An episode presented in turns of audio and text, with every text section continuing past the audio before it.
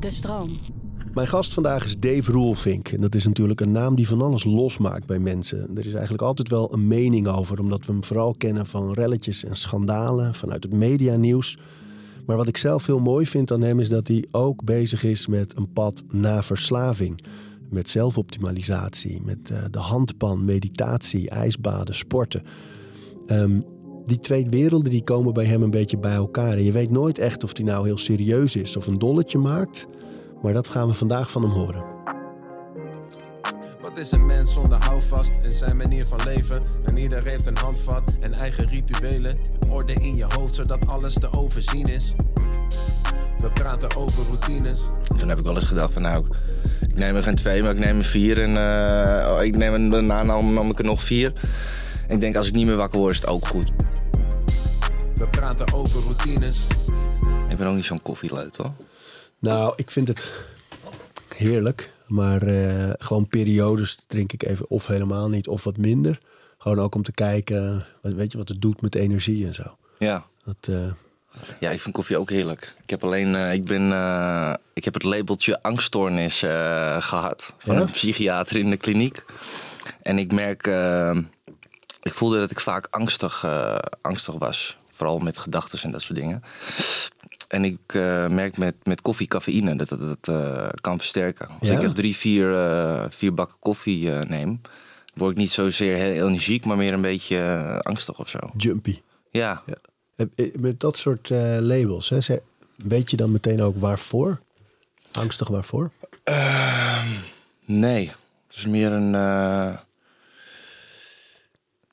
Ja het zijn niet echt hele specifieke dingen. Het is gewoon een gevoel in je lichaam wat dan niet helemaal oké voelt of zo. Nou ja, dat probeer je dan op je beste uit te leggen aan uh, iemand in de kliniek. En uh, ja, toen kwamen ze al gauw met ADHD en, uh, en daarna de angststoornis. Alleen ik ben niet zo'n heel erg fan van medicatie. Dus mij is ook antidepressiva daarvoor voorgeschreven. Een kwartje zou ik dan mee gaan beginnen. Maar dat heb ik eigenlijk nooit gedaan. Nee. Ik, uh, Want waarom niet? Nou, dat lijkt me verschrikkelijk.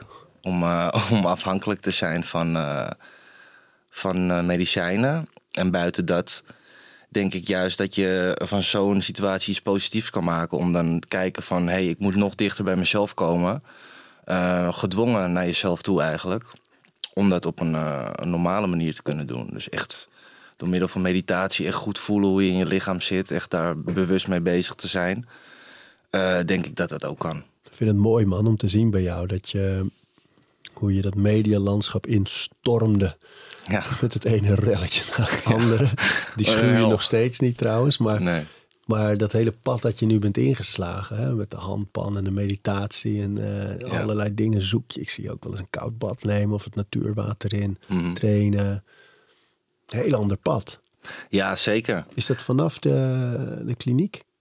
Ja. Nee, dat is eigenlijk ook weer een beetje zo'n soort gedwongen pad uh, vanuit de uh, verslaving eigenlijk. Die verslaving is iets waar ik achteraf uh, kan zeggen dat ik er heel dankbaar voor ben geweest. Want als je ziet, nou ja, heel Nederland heeft het een beetje meegekregen. Hoe ik eerst was, zeg maar tien jaar geleden. En hoe ik nu in het leven sta. Natuurlijk word je ook ouder.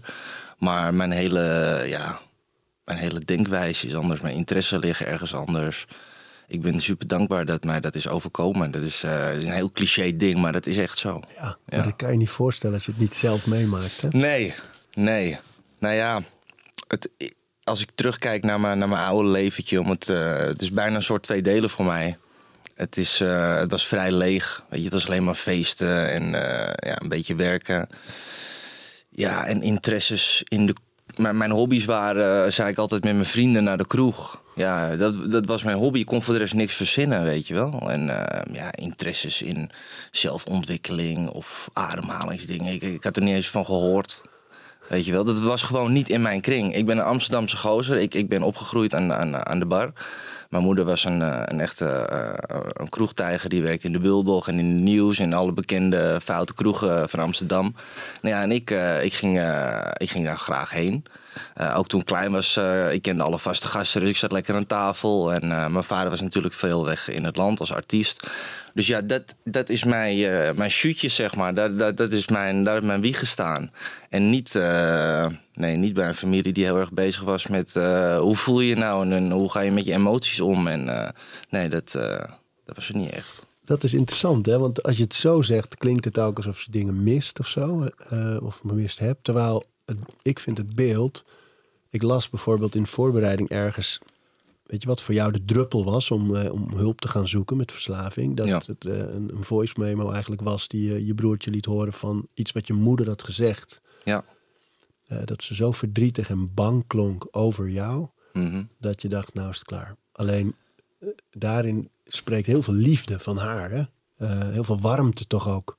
Vanuit haar bedoel ja, ja. ja, zeker, tuurlijk. Kijk, ik heb een waanzinnige band met mijn moeder altijd gehad. En mijn moeder, uh, ja, dat is echt mijn pareltje. En uh, ik ook voor haar. En zij wil, zij wil natuurlijk, ook al, ook al gaat het slecht met mij en, en doe ik haar daar pijn mee, wil ze toch eh, mij pijn besparen om te laten zien dat ik haar dat aandoe. Dus ik zag altijd wel dat ze natuurlijk daar moeilijk mee had met mijn verslaving en dat ze dat verschrikkelijk vond. Natuurlijk wat weet zag je dat. zij dan? Nou ja, zij zag wel bijvoorbeeld als ik uh, als een keer op het verkeerde moment thuis kwam de was brengen bijvoorbeeld. En het was vier uur s middags. Dat ik nog in mijn eentje zo op de, op de bank zat, helemaal vol met sigaretten en een fles vodka. En dat ze denkt van, oh ja, en, dat is dus sinds gisteren zit je, heb je de nacht doorgehaald en zit je hier nog met zulke pupillen in je ogen. Nou ja, dat is, dat is verschrikkelijk. En ja, dat soort momenten heb ze meegemaakt. Maar ook een keertje dat ik opgenomen ben in het ziekenhuis. Dat ambulance me uit huis heb moeten halen ben, uh, ik zit echt wel heel diep in mijn verslaving. Wat was er toen gebeurd? Uh, na een overdosis mag ik het nog niet noemen, denk ik. Maar ik had zoveel genomen en ik was uh, twee of drie dagen wakker geweest. En mijn hart begon zo te kloppen. Ik belandde in een psychose. Ik dacht dat er mensen voor de deur stonden. Continu in de camera's. Nou, op een gegeven moment... Het is heel moeilijk uit te leggen, maar het leek wel alsof een soort science fiction film was. Ik kreeg een soort stemmen in mijn hoofd. Ik zag dingen voor de deur. Toen heb ik in paniek mijn moeder opgebeld, omdat ik mijn hart zo voelde kloppen. Ik denk, ja, het is afgelopen nu. Toen is de ambulance snel gekomen en die heeft me wat medicatie gegeven. En toen ben ik uh, meegegaan met de ambulance. Ja. Ik, ik, weet van mijn broers, verslaving. Um, nou ja, als ik daarover vertel, dan vragen mensen heel vaak hoe, hoe komt het, weet je wel. Maar dat is altijd heel lastig natuurlijk, omdat uh, vast te pakken, hè, waar, de, waar de bron ligt. Het is een deel zit het in de genen toch ook echt. En, en kunnen situaties in het leven ervoor zorgen dat het zich uh, manifesteert. Mm um, toch hebben zij wel theorieën over wat, wat het zeg maar een beetje losgemaakt heeft allemaal. Heb jij dat ook bij jou? Ja, en wat je zegt is moeilijk om nou echt je vinger er precies op te leggen. Uh, inderdaad is een, een stukje uh, genetisch bepaald. Uh, mensen kunnen dat ook zien in hersenscans, uh, heb ik me laten vertellen.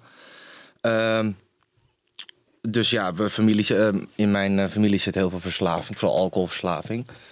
Maar het is bij mij ook wel geweest dat, dat inderdaad, wat jij net al aanhaakte, die, die relletjes, mijn, mijn hele bekendheid is begonnen met één bak ellende. Dus mensen zagen alleen maar van mij, hier, kijk, dit is Dave Roelvink. Alleen maar ellende. En voor de rest had ik nog nooit een ander tv-programma gedaan. Of hadden mensen mij helemaal nog nooit van de andere kant gezien. Alleen maar wat ik verkeerd had gedaan. En daar is hij. En ik ben eigenlijk een hele extreem gevoelige jongen. En ik trok me ook altijd nog steeds wel, uh, een stuk minder. Maar ik had het ook heel, heel erg moeilijk met de meningen van mensen. Nou ja, die combinatie dat je heel veel aantrekt van mensen, dat je heel gevoelig bent. En dat mensen gewoon allemaal denken dat je een stuk stront bent. Nou, dat was voor mij niet te doen op 17-jarige leeftijd.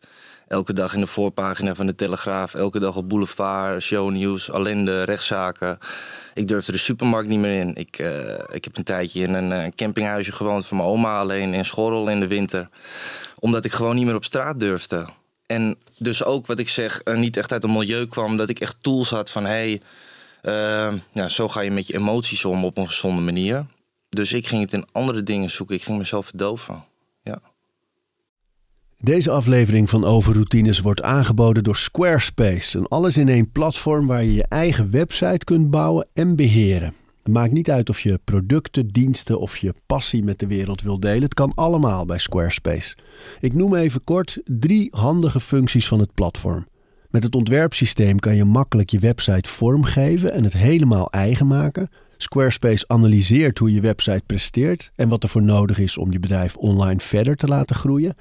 En ook kan je abonnementen en exclusieve content aanbieden aan betalende leden. Start nu je gratis proefperiode via squarespace.com/overroutines en ben je klaar om je website echt te lanceren? Gebruik dan de code overroutines, dan krijg je 10% korting op je eerste aankoop van een website of domein. En denk je dan in zo'n periode wel eens, ik wou dat mijn vader niet bekend was?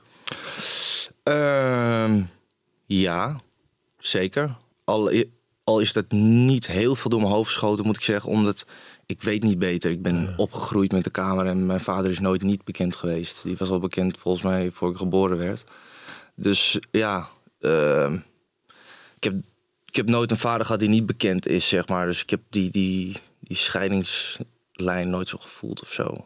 Maar het is interessant, hè? Van, op een hele andere manier herken ik het ook wel, hoor. Dat de haat-liefde met, met zichtbaarheid, hè? Hmm. Dus het levert veel op, het maakt veel dingen mogelijk, het biedt kansen, het, uh, het genereert van alles. Ja. Maar er is ook die andere kant, vervelend voor de mensen om je heen, veel druk, uh, alles wordt breed uitgemeten, je ligt onder vergrootglas. Ja. Het is een heel moeilijke, ja, ja moeilijke blijft, dynamiek. Ja, dat blijft voor mij altijd wel een, een, strijd inderdaad. Maar ja, ik denk dat, dat alle bekende mensen, uh, tenminste niet iedereen zal er last van hebben, maar ik denk dat een hoop bekende mensen daar last van hebben. Maar bij mij was het ook nog zo dat ik dus ja, het was alleen maar negatief. Dus er waren geen voordelen. Want de, hele pijnlijke dingen waren voor mij bijvoorbeeld dat mensen foto's met mij gingen verwijderen of zo van hun Instagram, weet je wel. En uh, dat we bijvoorbeeld, dan kreeg ik een real soap en, en, en dan vroeg van, kunnen we daar misschien een broodje eten om te filmen? We mochten nergens naar binnen, weet je wel. Je werd echt gewoon ja, een soort met bedstanding uit de maatschappij gezet, weet je wel. ja, dat is uh, nu achteraf kan ik daar wel om lachen. Maar dat, is, dat doet zoveel pijn als je gewoon. Uh, ja, dat überhaupt pijn. Kijk je, want dan, dat ervaar je dan dus zo. En dat zal dus ook zo zijn. Maar, maar het grappige is dat je als buitenstaander ook. Er hing ook een soort rockster-achtig imago. Waarbij ik denk dat veel, met name veel jonge jongens, ook wel dachten: hé, hey, kijk, kijk hem nou gaan. Hij kan erop losleven en hij doet wat hij wil. En het gaat vaak over seks en drugs en, te hard rijden. En uh, dus enigszins stoere dingen in bepaalde kringen. Dus ik denk dat er ook heel veel mensen wel een soort romantiek erin zagen. Ja, en dat vind ik dus uh, achteraf wel jammer. Uh, nou, ook weer niet, want uh, het is allemaal zo gelopen zoals het moest lopen. En daardoor ben ik nu waar ik ben. Maar uh, het had me in die tijd wel kunnen helpen als ik dat kon inzien. Maar ja, op een of andere manier woogt het negatieve voor mij zo zwaar. Ik heb echt nooit een seconde gehad. Nee, er zijn ook mensen die vinden mij echt tof. Die denken echt wat een bink. En, uh, terwijl er inderdaad een groep, een groep geweest zou zijn die dat tof vonden. En uh, terwijl overal waar ik kwam uh, rijden dik vol met vrouwen, duizenden vrouwen stonden. Mensen die door de EHBO moesten weggetakeld worden omdat ze letterlijk flauw vielen. Dat soort tijden heb ik echt meegemaakt. We deden 400 boekingen door het hele land in die tijd. En ik, ik voelde gewoon nooit van ja, ik kon me nooit vasthouden van ja, maar dit zijn de mensen die vinden mij tof en dit zijn de mensen die vinden mij niks. En ik ben wie ik ben en ik, ik weet hoe ik zelf echt ben. Het, kon niet. Ik dacht gewoon van het is zo groot en breed uitgemeden dat ik een lul van een goos ben. Hoe ga ik hier nou ooit nog wat op zeggen? Weet je wel? En dat zeg ik nu met een lach, maar ik zat echt met mijn handen in het haar, man. Toen, toen ik ook, had ik ook nog haar. Daarom heb ik nou die inhoud. blond. ja. ja, nee, dat was maar is het, een gruwelijk dat, heftige periode voor me. Is dat zo sterk dat je dan ook aan jezelf gaat twijfelen? Uh, nee. Nee, dat niet. Alleen, uh, ik vond het gewoon heel belangrijk wat mensen van mij vonden. En ik wist zelf wel dat ik oké was. Want kijk, ik, ik, ik, ik durf te zeggen dat ik een oké okay gozer ben. En dat ik lief ben voor de mensen om me heen. En dat ik zorg voor de mensen die het nodig hebben. En dat ik altijd denk aan mensen die het minder hebben. Dat weet ik van mezelf. Alleen ik denk, ja, het is toch kut dat niemand dat weet. En dat iedereen me aankijkt in de supermarkt. Alsof ik een of andere mafketel ben, weet je wel. Dus uh, ja, dat was gewoon pijnlijk. Dat ik denk van nou, volgens mij steek ik wel goed in elkaar. Alleen niemand weet het. En is dat veranderd toen je naar buiten trad met, met verslaving? Dat je zei van, de, ja, ik ben verslaafd? Het was voor mij wel een hele grote opluchting.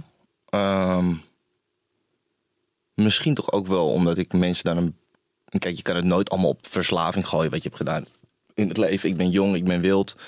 En uh, ja, dat zat er gewoon in bij me. Er zit er nog steeds trouwens in bij me. En eh, mijn hele vriendengroep was ook zo, weet je. Het was allemaal een beetje boevig en het was allemaal een beetje criminelig. En dat was allemaal tof in onze tijd. En uh, dus ja, dat was ook gewoon zo. Maar ja, ik was voor mijn gevoel altijd nooit veel anders als mijn vriendjes. Alleen als ik wat deed, dan, dan moest ik het uh, gaan uitleggen bij, uh, bij heel Nederland. En hun alleen thuis op de bank. Dat was altijd het grote verschil.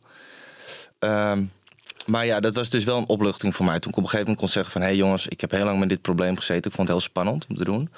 Um, maar het was ook wel lekker. Ik denk van, nou ja, weten jullie een beetje waarom ik ook uh, een beetje maf heb gedaan. En uh, gewoon ook heel blij om een soort nieuwe start te kunnen maken. Om mezelf een kans te geven van, hey, we gaan het nou anders doen.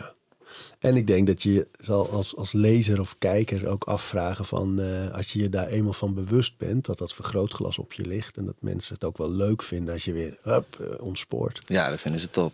Ja. leuk, nieuws, roddel enzovoort. Ja. maar dan kan je ook voorstellen dat iemand zegt: Oké, maar weet je wat, dan ga ik me helemaal terugtrekken. Maar dat deed je ook niet, want je ging wel door erin. Is dat dan drank en drugs geweest? Um,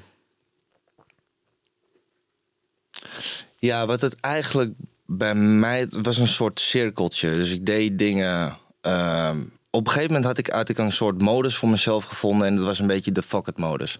Van uh, ja, niemand moet, maar ja, fuck iedereen dan maar. Dat was voor mij een soort zo ben ik eigenlijk helemaal niet. Want wat ik zeg, ik ben een, hartstikke gevoelig. Ik ben helemaal niet zo'n uh, tough guy of zo. Dat, dat zit er helemaal niet bij. Ik heb ooit een soort bad boy imago gekregen. Maar ik weet niet wie dat heeft gegeven. Maar dat past er helemaal niet bij.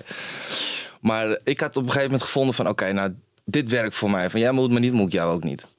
En ja, dan gaat het echt verkeerd. Want dan hou je ook nergens rekening meer mee. En helemaal natuurlijk met, uh, ja, als je jezelf alleen maar verdooft en je zet je geweten uit. Kapot maken echt, ja, hè? dan ga je gewetenloze dingen doen. Ja. Maar dat, heb ik, dat zie ik bij, zag ik bij mijn broers ook zo. Dat je, dan komt er bij verslaving iets heel destructiefs. Hè? Van, uh, bijna ja. alsof ze zeggen, uh, ik, ik verdien het leven niet zoals het kan zijn. Dus ik, ik ga alles kapot maken. En, ik, en uh, zit ik nog niet op de bodem, dan ga ik door. Ja, ja, het is, op een gegeven moment is het leven zo niet leuk meer. En duurt zo'n periode uh, zo lang dat er ook geen glimmomentjes meer zijn. En dan, uh, dan is dat het leven. En dan denk je, nou, voor mij hoeft het niet zo. En dan, uh, ja, waarom zou ik nog ambitie hebben? Waarom zou ik nog. nee. Ging het wel eens verder in, die, in dat soort sombere gedachten? Ja, nou ja, ik, ik heb wel eens een keer verteld, ik heb nooit uh, gedacht van ik spring voor een trein of zo. Maar ik heb wel uh, uh, avonden gehad dat ik dacht van, nou ja, ik, ik, nam ook altijd heel veel slaapmedicatie. Omdat ik zoveel kook en, en, middelen op had. Dan kwam ik niet in slaap. Toen heb ik wel eens gedacht van nou, ik neem er geen twee, maar ik neem er vier. En oh, ik neem er, daarna nam, nam ik er nog vier. Ik denk, als ik niet meer wakker word, is het ook goed. Maar nooit echt ik denk van, ik ga nou hele potten naar binnen. Nooit echt, echt bewust, maar misschien een klein duwtje gegeven, weet je wel. Tegenaan ja, ja. ja. dus nee, ik, mag het, ik, ik ben nooit suicidaal geweest, maar meer gedacht van ja jongens, als het ophoudt, houdt het op. Dus ja, wat ik zeg, geen power, energie, uh, toekomstplannen. Ja, niks. Niks meer om naar uit te kijken eigenlijk. En dan ben je 17, ja, 18, 19. Ja. En die kliniek, hoe... Uh, uh, ik, ik, maak steeds een parallel, omdat ik heel veel herken ook gewoon in in je verhaal. Mm. Maar bij mijn broers was het bijvoorbeeld zo van... In die kliniek hadden ze nog af en toe de neiging om te denken van... Ja, die anderen, dat zijn verslaafden of junks of wat dan ook. En ik niet. Mm -hmm. Wel, best wel lang nog. Uiteindelijk kwamen ze daar wel nuchter uit. En zijn ze in mijn geval allebei meer dan elf jaar nuchter gebleven wow. nu. Ja, Geweldig. dat is echt mooi. Ja, Ja. fantastisch. En ik leer zoveel van ze. Joh. Als het gaat over nu leven. Dus je niet veel zorgen maken om alle fouten die je gemaakt hebt. Niet veel angst te hebben voor wat er misschien nog gaat komen of kan komen. Of, maar nu leven. En, en wat ik heel mooi vind aan die hele program, die AA, is dat confronteren van de mensen die je gekwetst hebt. Dus dat uh, Mhm. making amends noemen ze dat, die Ja. stap. Van dat ze dan. Ik weet Ja. nog echt precies een van mijn broers dat hij naar me toe kwam. We waren op vakantie in Egypte. Hij stond in de branding. Dan ging hij met dat gesprek, weet je wel. Van het spijt me dat ik zo vaak gelogen heb. Dat ik dit en dat ik dat. En dat, dat, dat was zo emotioneel, maar zo mooi. Stond te janken in de Ja, en, eh, maar zo mooi ook, omdat je voelt dat het echt is. En dat er weer iets nieuws begint. En eh, daarna, ja, ik heb gewoon twee broers teruggekregen. Maar Ja. in, in die kliniek hadden ze dus zelfs nog wel twijfel van... ja, maar verslaafd, dat is iets anders. Dat ben ik niet. Mhm. Ik heb misschien een probleempje, maar... Ja, nee, dat, dat had ik niet. Wat ik heel erg had, is dacht van... oké, ik word nou in een, eh, in een hok straks gegooid... eh, waar allemaal mensen op de grond liggen... met nog net niet een naald in hun arm. Dat, dat gevoel had ik bij een kliniek. Maar ja, ik kwam daar in een, in een zaal met eh, advocaten, piloten... de vuilnisman, gewoon alles. Hè? Gewoon een, een spiegel van de, van de samenleving eigenlijk. En dan zie je pas, hé, hey, iedereen heeft dit probleem. En ja, ik, ik was ook niet iemand die elke dag eh, aan het gebruiken was. Ik had hem bijvoorbeeld eh, maandag tot met woensdag gebruikte ik niet. Maar dat, eh, dat was meer omdat ik me zo slecht voelde van al die dagen ervoor dat ik op de bank bij lag te komen. Dus ik, ik had altijd wel, eh, ik wist wel gewoon eh, ja, dat het niet goed was. Ik, ik heb ook heel veel geprobeerd in mijn verslaving om te stoppen met, met drugs en gewoon te kunnen drinken. Want drinken is natuurlijk super geaccepteerd en dat was ook heel erg in mijn vriendengroep. eh, vriendengroep. Het was altijd trainen en dan in het weekend, dan is het vrijdag en dan gaan we naar de, dan gaan we naar de kroeg en dan gaat het gas erop twee dagen. En dan zondag of maandag, zondag herstellen en dan maandag is weer normaal en dan ga je weer gezond leven. Dat was een beetje de geaccepteerde cyclus eh, bij ons in de groep. En ik dacht, ja, dat moet ik ook gewoon doen. Maar ik merkte gewoon na vier borrels dat ik, eh dan ging ik weer bellen. En ik, had, ik ging ook nooit op stap met ik denk van zo, ik ga vanavond op stap. Ik zal de dealer even bellen. Ik zorg dat ik wat bij me heb. Nooit. Gewoon altijd er maar intrappen. Dus voor mij is ook weer een soort zegen geweest. Omdat ik gewoon wist van, je hebt het niet onder controle, pik. Want je, gaat de deur uit, maar ik ga het niet doen. En je bent nog geen half uur op het Leidseplein. En je, je staat op de gracht alweer te wachten. Sterk, hè? Want het is een soort Pavlov. Want die heb ik wel zelf ook echt wel gekend. Van dat je met een vriendengroep altijd gaat eten. Niemand heeft drugs bij zich. Niemand heeft in zijn hoofd. We gaan straks bellen. En, je er zitten een paar wijntjes in. En er wordt vrolijk. En eh, er ontstaat zo'n beetje onrust in die groep. Van wat gaan we hierna nog doen? En dan is er op een gegeven moment toch iemand die, eh, die wel even gebeld heeft. En dan Ja. gaat er eentje naar de wc. En, gaat Ja. anders. en daar zit dus ook nog iets ja, leuk is een verkeerd woord, maar er zit iets in zo'n vriendengroep van dat pakje gaat rond en je gaat Ja, er ombeurt zit of met z'n tweeën in. op eh, ja. En eh, ik, vond, ik vond dat dus toch ook heel leuk. ja. Maar er zit ook inderdaad een soort gewoonte-aspect in dat je lange tijd gewoon houdt van een paar wijntjes op en de gedachte is er. Mhm. Alleen dan is denk ik het verschil met echte verslaving dat je dat niet kan wegduwen. Altijd echt toegeven. En als je niet verslaafd bent, kan je nog zeggen: ja, maar dat gaan we nou niet meer doen. Ja, dat was, een, dat was ook een heel duidelijk inzicht voor mij. Dat, ik had ook een, eh, een, eh, een gabber van mij, die eh, gebruikte ook heel veel drugs. Misschien nog wel meer als ik. Dus dan hadden we een afterparty, nou, daar gingen de grammen er doorheen. En dan, op een gegeven moment was het, was het dan zeven uur in de ochtend. En dan zei hij, ja, ik ga naar bed. En dan kreeg ik een, een paniek over mijn lichaam. Dan denk ik, naar bed, naar bed. Ben ja. En ik zat maar te kijken, oh, we hebben nog één pakje. Ik moet bellen, de dealer neemt niet op. Waar kan ik heen rijden? En dat was voor mij dat ik dacht van, wauw man. Je bent echt ziek, pik. Dat je gewoon niet meer kan stoppen. Niet meer kan stoppen. Zelfs dat ik denk, oké, ik moet nu stoppen. Slaapmedicatie erin. En voelde ik me suf voor. Ik denk, nee. En, en weer doorgaan. En door die, door die, gewoon die, die, die, die, die slaapmedicatie doorbreken met weer meer drugs. Nou, en ja. En dan zie je dus iemand die net zoveel gebruikt als jou, misschien meer. En die zegt, ik ga naar bed. Tot morgen. ja, dan weet je van, eh, bij mij zit het anders. Ja. Wat waren de rituelen in die kliniek? Poeh. ehm, de rituelen in het kliniek. Ja, je had sowieso s'morgens begonnen we dan, nou, ik weet de tijd niet meer, volgens mij een uurtje of zeven. En dan begon je een, eh, in een kringetje. En dan eh, was het een stukje meditatie. Eh, dat was mijn eerste aanraking eigenlijk met meditatie in mijn leven. Ik, daarna, ik had wel eens van gehoord natuurlijk, maar dat was voor mij echt voor monniken meditatie, weet je wel. Het gebeurt niet in Nederland, dacht ik. Dus eh, ja, dat. Ehm, nou, dan hadden we elke dag een ander rooster. Dus dan kreeg je bijvoorbeeld eerst een stukje over een seksverslaving, gokverslaving, middelenverslaving. Dat, dat varieerde steeds. Ehm, en tussendoor ook wel veel vrije tijd om gewoon met elkaar te zijn daar.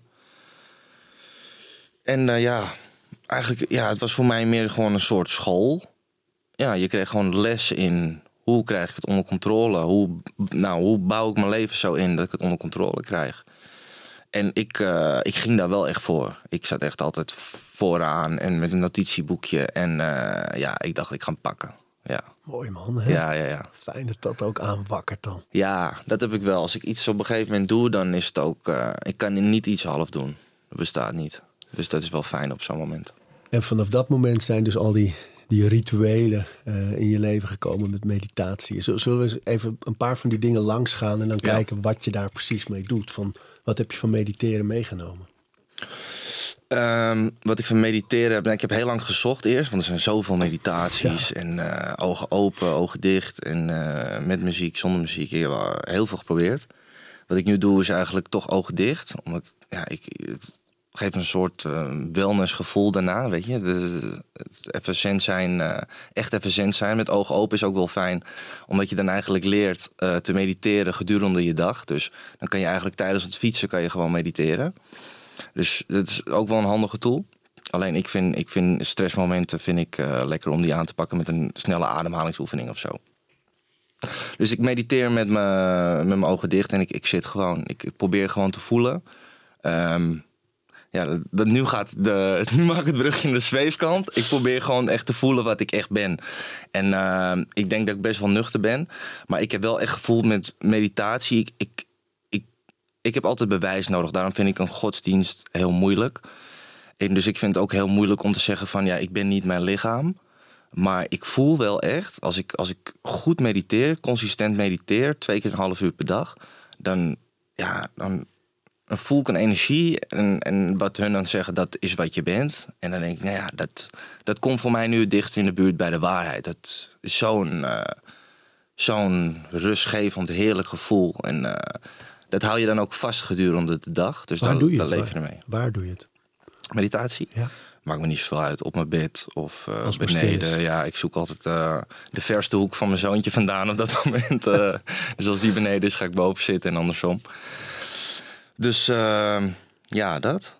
Zo, eh, ja, het, is, het is vrij simpel. Geen muziek, zitten, zijn. Proberen dat gevoel eh, te voelen.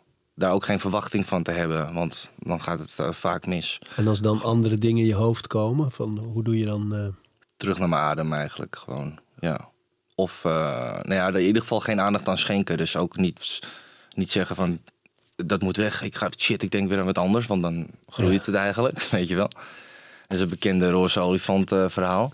Dus het gewoon laten zijn en naar je ademhaling teruggaan. En dan op een gegeven moment is het weer weg. Ik heb ook in de kliniek een techniek gehad. Uh, dan moet je een, een, een, bepaald aantal oefeningen doen tegen de muur aan. Eigenlijk in een soort squathouding tegen de muur, tot je benen het begeven.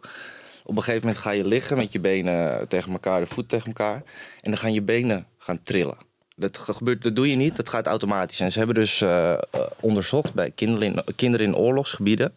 Uh, dat als er bombardementen waren, gingen de mensen in, in, de schuilkelders.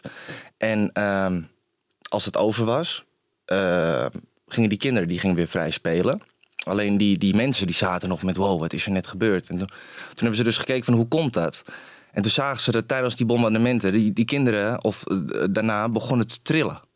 En toen hebben ze dat onderzocht. En door die trilling te geven aan je lichaam, schud je die stress van je weg. Goh, nou, dat soort dingen vind ik helemaal te gek, jongen. Fantastisch. Ja, ja, ja. ja, ja. ja. Gewoon fysiek eruit laten. Ja. TRE of zo. Ik weet het niet meer precies. Ik zal het zo even opzoeken. Fantastisch, ja. Dat je eigenlijk gewoon je lichaam weet het wel. Ja, maar dat ja, en inderdaad die dingen nabootsen. Net wat je zegt, die, die snik nabootsen om je, om, je, ja. om je weer rustig te krijgen. Of die trillingen na te bootsen. Dat vind ik te gek. Mooi hè? Ja, super. Ja, ja. En heb je vaste momenten waarop je deze dingen doet?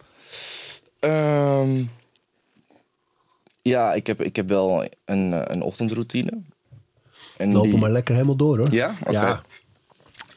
Um, ik uh, probeer eigenlijk altijd uh, acht uur te slapen. Dus ik, ik draai uh, nog steeds als DJ. Dus dan, dan probeer ik hem op zes uur te houden. Anders word ik wel heel laat wakker. Maar ik probeer altijd, probeer altijd acht uur te zoeken. Ik ga meestal rond een uurtje of negen of tien naar bed. En dan kijk ik gewoon anderhalf uur is een slaapcyclus. En dan probeer ik er een paar te pakken. Daar hou ik ook wel rekening mee dan. Um, en als ik wakker word, dan ga ik eerst naar beneden, even naar buiten in het zonlicht zitten. Op het balkonnetje. En dan heel even uh, gewoon ademen. Ik vind meditatie in de ochtend vind ik niks. Ik weet niet, dan kom ik net uit mijn slaap en dan, uh, ik weet niet, voel ik me niet, nee, voel ik niet het moment. Ik vind het lekker midden op de dag om even die break te maken en voor het slapen. Dat vind ik top. Dus uh, even ademen. Dan ga ik naar boven, koud douche of koud bad. En dan ga ik uh, niet eten. Dan ga ik uh, eerst wat doen voordat ik mijn eten verdiend heb. Ik hou ook erg van een soort die beetje strafachtige dingen. Die vind ik ook wel fijn. Een beetje dat militaire gehalte erin, weet je wel. De, dat komt dan weer uit de oertijd. Hè? Dat mensen eerst uh, moesten jagen voordat ze wat te eten hadden. Dus ik ga dan eerst naar de sportschool. Ga ik gas geven en daarna ontbijt ik. Um, ja, ik denk dat dat wel mijn ochtendroutine is. Ja. En waar zit die pan, die handpan? Nee, die handpan zit er eigenlijk helemaal niet in. Nee, dat, uh, ik vind het altijd heerlijk om van alles een dolletje te maken. En dat doe ik ook uh, met die handpan graag. Ik zit daar weinig, moet ik heel eerlijk zeggen, weinig serieus op. Ik zit er wel eens serieus op. Echt als ik alleen thuis ben, zit ook nog een soort uh, schaamte op om dat heel serieus te gaan doen op een of andere manier. Dus als mijn vrouw dan weg is, dan denk ik, hey, is niemand. En dan ga ik even lekker helemaal in mezelf op die pan. Maar je bent hartstikke goed erin ook. Ja, het gaat, ik heb ook wel uh, lessen gevolgd ervoor. Dus ik, ik, vind het serieus interessant uh, om te doen. Ik vind het... Ik, dat komt ook weer uit die meditatie. Ik hoorde dat. Ik denk, wat is dat? Een heerlijk geluid. En nou, dan wil ik dat ook meteen kunnen. Dus dan ga ik de lessen vervolgen. En, hoe en hoe keken ze op bij die lessen toen? Even ja. Roelvink daaraan klopt. Ja, maar dat is het mooie dus met mij. Overal waar ik kom in dit circuit, als ik bij een ademhalingscoach kom of uh, een ademhalingscursus heb ik gedaan en uh, dan kom ik bij uh, Swamis terecht.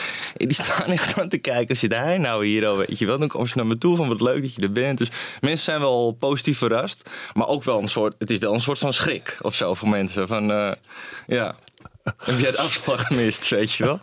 Ja, nou, dat vind ik alleen maar leuk. Maar inmiddels niet meer, toch? Want je hebt inmiddels toch wel echt laten zien dat je heel geïnteresseerd bent, juist in die hoek. Ja, ja nee, nu is het. Uh, nu krijg ik ook wel uh, uh, demmetjes van mensen die er ook in geïnteresseerd zijn ja, ja. en die er dingen over vragen. En ehm, ja, nee, mensen weten het nu al een beetje. Ja. ja, het is grappig, want je ziet, vind ik, aan je gezicht zelfs meer rust. Ja, oh, dat vind ik leuk dat je dat zegt, man. ja. ja. Alleen uh, het, het, is met die handpan inderdaad dat je gewoon als je het bekijkt, hè, dus gewoon als je op jouw Instagram kijkt, dat je niet weet, zit hij nou helemaal te dollen? Of, ja. of is het iets serieus? Want dat zou mensen dus ook niet meer verbazen als het Mhm. wel heel serieus was. En je houdt het, lijkt wel expres een beetje Nou, het is, niet, het, het is niet expres. Het is meer, ehm, als ik heel eerlijk moet zijn, is het nog het ongemak om het serieus te durven doen of zo. Ik heb wel eens iets opgenomen dan ik denk een iets motiverends. Mijn broertje doet het bijvoorbeeld heel veel. Ik zie dat bij jouw Instagram ook heel veel. En ik merk een bepaald ongemak in mezelf als ik serieus doe of zo omdat ik altijd die, die, die... Ja, ik heb toch het gevoel dat mensen dan een bepaalde verwachting van me Ja. hebben. Het jolige. En dat ben ik ook wel. Ja. Maar ik heb ook een serieuze kant. En ik vind het toch eh, vaak nog ongemakkelijk of zo. Omdat eh, in een gesprek lukt me dat goed. Maar als ik dan in mijn eentje thuis zit en ik zit heel serieus voor de camera eh, mensen te motiveren hoe ze een ademhalingsoefening moeten doen. Ja, dan denk ik, dat willen ze echt niet van mij horen, weet je wel. Maar, en dan krijg ik daarna weer berichtjes binnen van. Eh, Hey, ik heb die podcast van je geluisterd, wat vet man en eh, super motiverend en eh, over verslaving of over spiritualiteit. En dan denk ik van nou, er zijn toch mensen die er wat, Ja, die er ja, wat ja. aan hebben. Nou, weet je wat volgens mij, want ik, ik, ik herken heel erg je aarzeling. Bij mezelf ook. Van wat je afweging is. Ik, ik ben zelf ook bijvoorbeeld wars van echt zeggen: hier, dit is het, zo moet je dat doen. En weet je, dat je echt als een soort coach motiveert. Dat, dat heb ik ook, vind ik ook niet fijn om te doen, Mhm. die toon.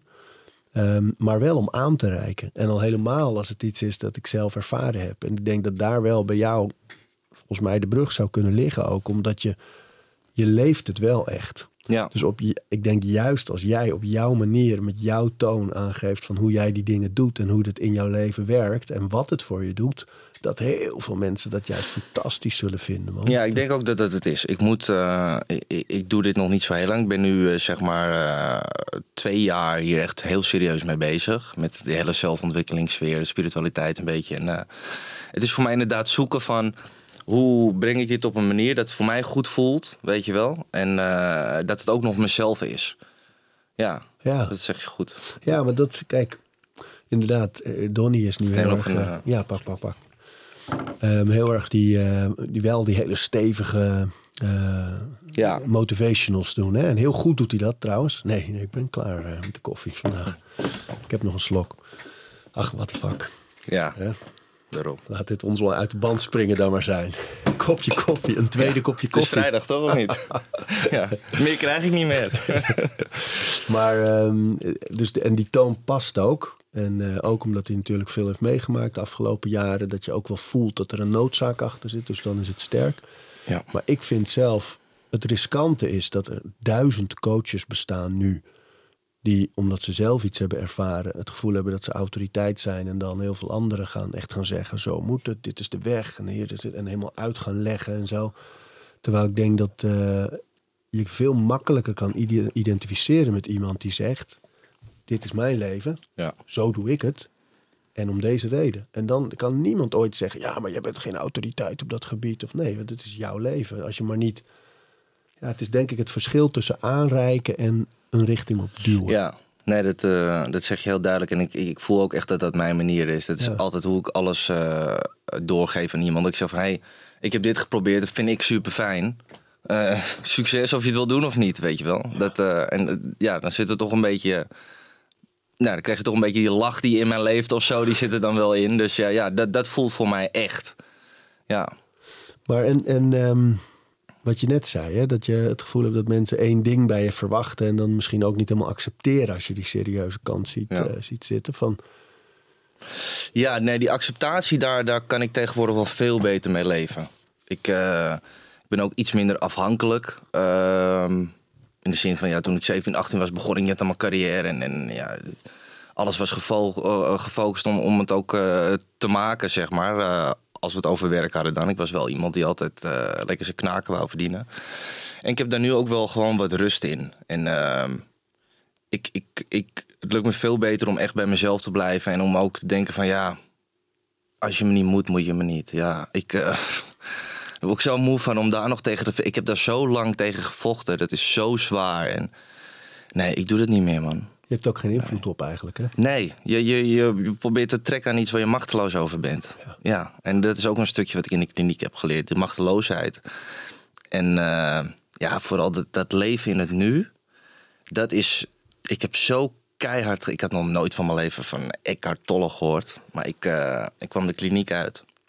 Eh, volgens mij was ik al een jaar clean, ongeveer. En ik, eh, ik weet niet hoe ik eraan kwam, maar ik, ik had eh, de kracht van het nu gehad. Eckhart Tolle. En eh, ik wist helemaal niet dat het zo'n bekend boek was. Ik had nog nooit van iemand gehoord in mijn leven. Nog nooit. En ik zit op Curaçao en ik ben het boek aan het lezen. En ik begin te janken. Keihard te janken. Dat was voor mij... Ik was in één keer thuis, man. Ik, dat was voor mij ook zo duidelijk dat, dat zo'n gevecht voor mij is geweest in het leven. Continu bezig zijn met wat vinden die van me? Eh, wat heb ik gedaan in het verleden? Eh, wat is het oordeel daarover? Eh, wat kan ik doen nog om het te veranderen? Ik ben nooit in het nu geweest. Nooit. En ik wist ook helemaal niet dat dat kon. Ik heb nooit stilgestaan met dat je in het nu kan zijn. Dat is zoiets bizars. Ik was altijd bezig met, met morgen of met gisteren. En op het moment dat je realiseert, hé, hey, we zijn hier hè. Nou, dat, ik heb dat boek, dat, dat, dat heb ik op zo'n serieuze manier aangepakt. Ik heb nog, eh, nog geen werkstuk, nog niks voor mijn werk ooit zo serieus gedaan. Ik heb dat vier keer gelezen. Ik heb alles gemarkeerd. Ik heb er al alles met Eckhart Tolle heb ik bestudeerd.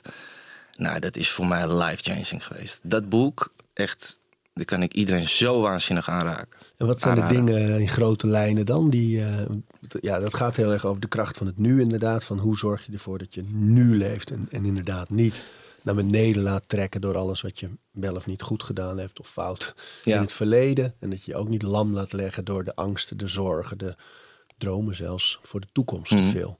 Ja, het gaat heel erg over het eh, niet meer identificeren met het ego. Hè? Dus ik ben Dave, ik ben DJ, ik ben een bekende Nederlander, ik ben vader, ik ben zoon. Maar nee, ik, die energie opzoeken die, die ik net, eh, wat ik net vertelde, die, je- die je heel erg kan voelen bij meditatie. Dus eigenlijk, eh, nou, niet loskomen van het ego vind ik altijd moeilijk, want je hebt altijd je ego bij je. Dus je, je zit altijd in dit, in, in je, ja, het is eigenlijk je rol die je speelt hier in dit theater. Zo zie ik het eigenlijk een beetje. Dus dat is een on- on- ongelooflijk eh, belangrijk stuk daarin, vind ik.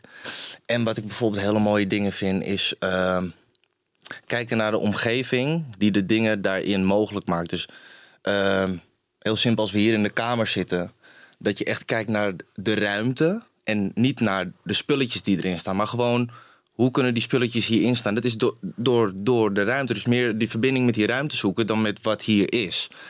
Dat soort dingen. Ehm, bijvoorbeeld, als je een, een, dat is een mooi stuk vind ik ook, als je een hond hoort blaffen. Je is gaan concentreren niet op het geblaf, maar op de stiltes die ertussen vallen. Nou, dat zijn van die kleine dingen. Als je het gaat doen, dat je denkt van wow, wat vet dit zeg. Nou, en dan word ik zo enthousiast en dan, dan, dan verscheur ik die boeken. Ja. En, en dat huilen erom, wat was dat? thuiskomen. Dat was echt van. eh, ik heb mijn hele leven een. eh, dat heb ik toen ook in de kliniek eh, proberen te vertellen. Ik noem het altijd mijn basisniveau. Ik weet niet, eh, zo heb ik dat voor mezelf genoemd. Ik werd altijd, zeg maar, als ik niet heel blij was of niet heel boos, er was niks aan de hand en het leven was oké. dan voelde ik altijd dat ik beneden een soort pijl zat. En ik- voelde altijd, er klopt iets niet of zo. Nou ja, voor mij is dat eh, wel duidelijk geworden. Het is omdat ik gewoon als er niks aan de hand was, wel iets ging zoeken.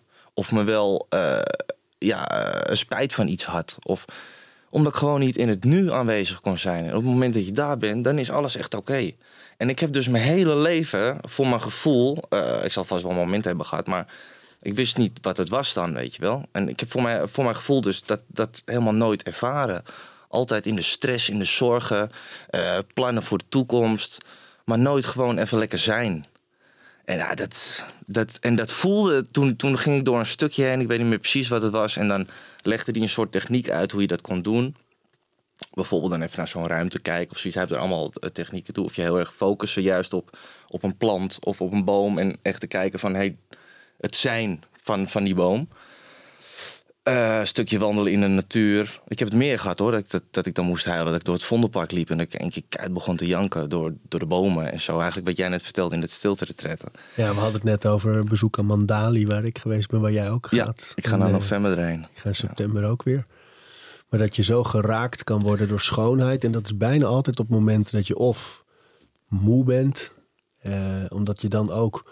Ik denk als je heel vermoeid bent. Dat is volgens mij ook de reden dat ze in veel ja, psychologische trainingen... eh, ook zorgen voor vermoeidheid in het leger en zo. Hè, van, want daar word je echt... De, alle schillen vallen af. De, Ja. en denk, of bij meditatie heb je het ook, dat, dat de kleuren, de schoonheid en zo, zo veel harder binnenkomen. Dan sta je veel meer open. Ja. En, en het is ook heel bevrijdend hè, om dan even te janken. ja, zeker. Ja, je voelt op een gegeven moment gewoon een soort switch. Gewoon een verandering in je bewustzijn. En dat is, eh, ja, dan, dan, als je dat dan op, voor het eerst voor je gevoel in het leven ervaart. Na die hele uh, reutemeteut die ik achter de rug heb. Die verslavingen en de ellende. En het clean worden, het gevecht daartegen. En, eh, en Voelt het nog als een gevecht? Nee, nee, nee. Nu niet meer. Nee. Nee, maar het eerste jaar was heel zwaar. Want hoe doe je dat als je, kijk, je draait, je bent veel in de nachten. Je wordt Ja. voor van alles uitgenodigd. Overal is altijd drank, eh, vast ook drugs. Mhm. Ehm, hoe doe je dat nu? Is, wat, is, wat is je strategie? Nou, wat nu heel fijn is, is dus dat mijn interesses ook eh, op hele andere plekken liggen. Ehm, in het begin had ik dan, wat ik bijvoorbeeld in het begin deed, dat is wel grappig. Dan eh, kwam ik net uit de kliniek, ik was een halfjaartje clean.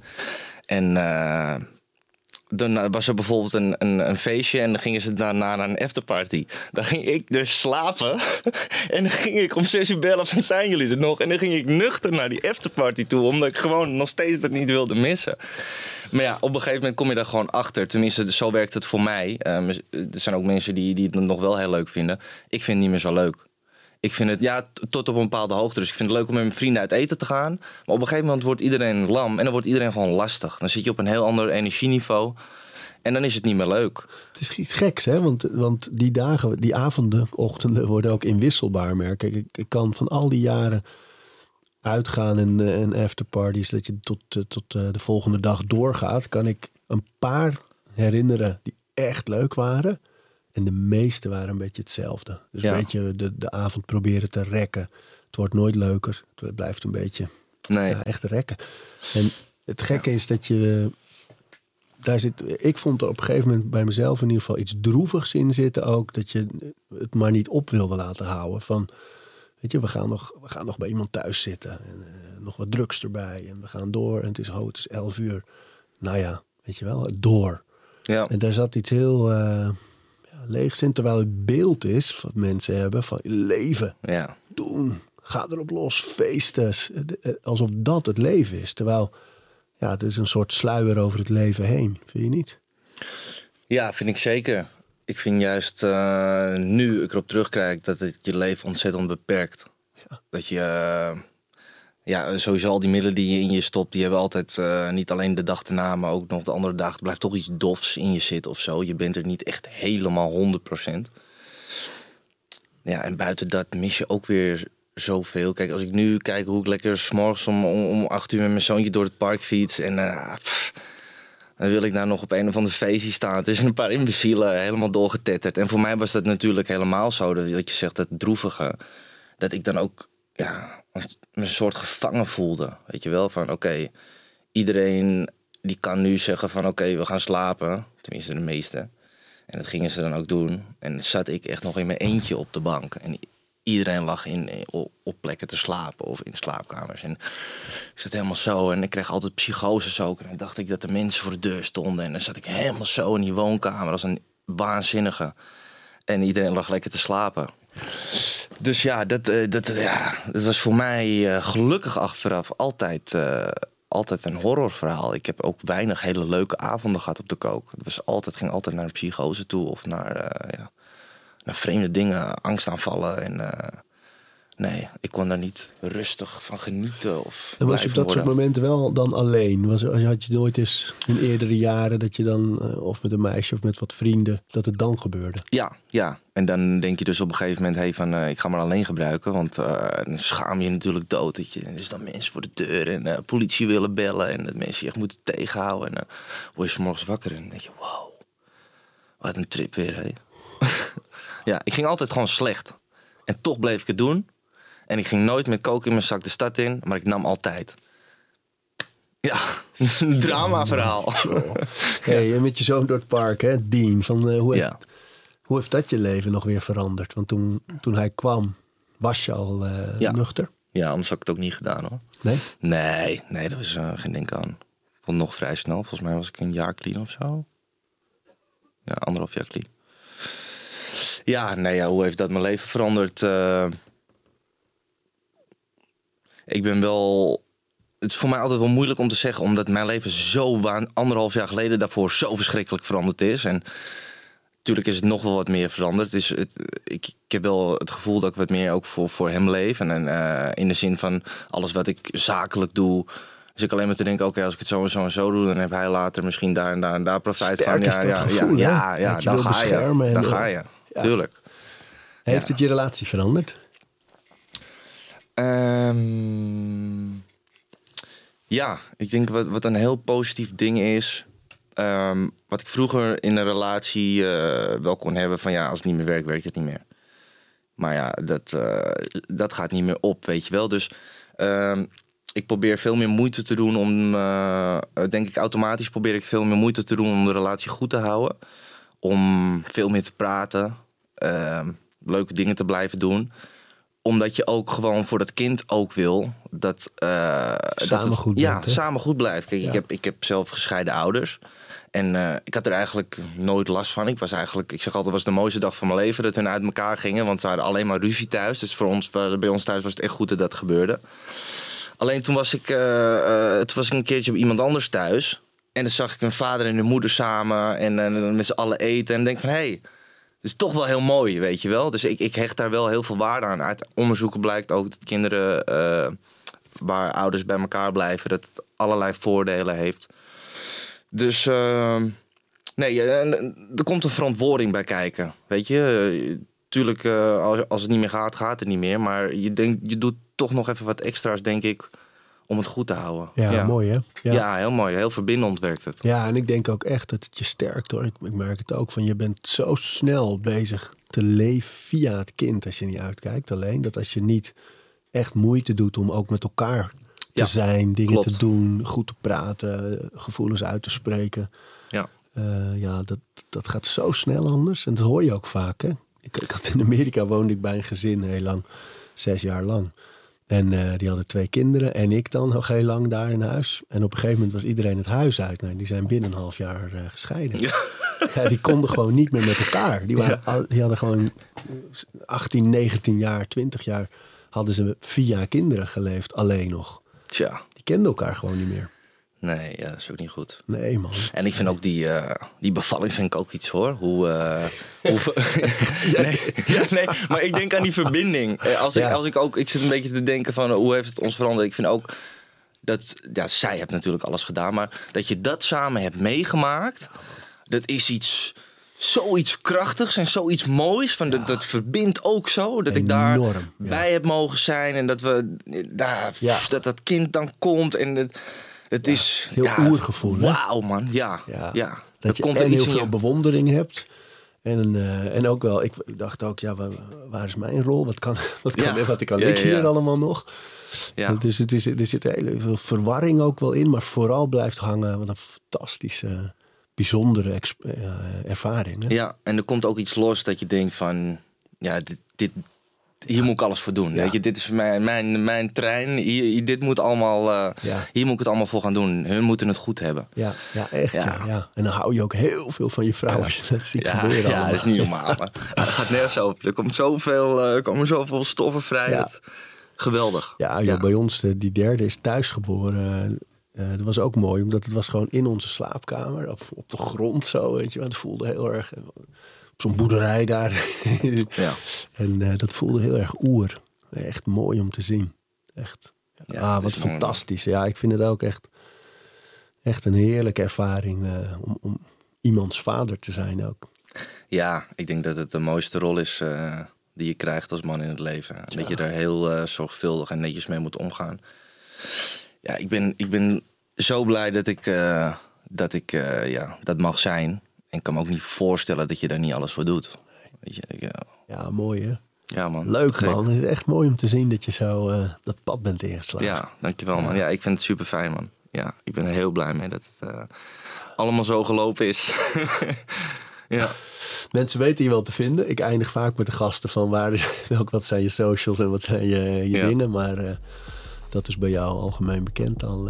Tof dat je er was, man. ja, bedankt voor de uitnodiging man. Ik luister zoals ik zei vaak. Ik vind het echt leuk om er te zijn. Dankjewel. Leuk. Dank. Thanks. We praten over routines. Dankjewel voor het luisteren. En voordat je weer doorgaat naar andere dingen, wil ik je nog even wijzen op Over Inspiratie. Dat is het mailtje dat ik elke donderdag rondstuur met drie tips. Dingen waar ik zelf veel aan gehad heb. Het kunnen producten zijn, artikelen die ik gevonden heb online, onderzoeken, eh, Instagram-accounts, podcasts, boeken, van alles eigenlijk. En ik denk dat je daar zelf ook veel aan kunt hebben. Dus vind je het leuk om dat mailtje elke week te ontvangen? Dan kun je je opgeven op ariboomsma.nl onderaan de pagina. Dan krijg je voortaan elke donderdag in je mailbox over inspiratie.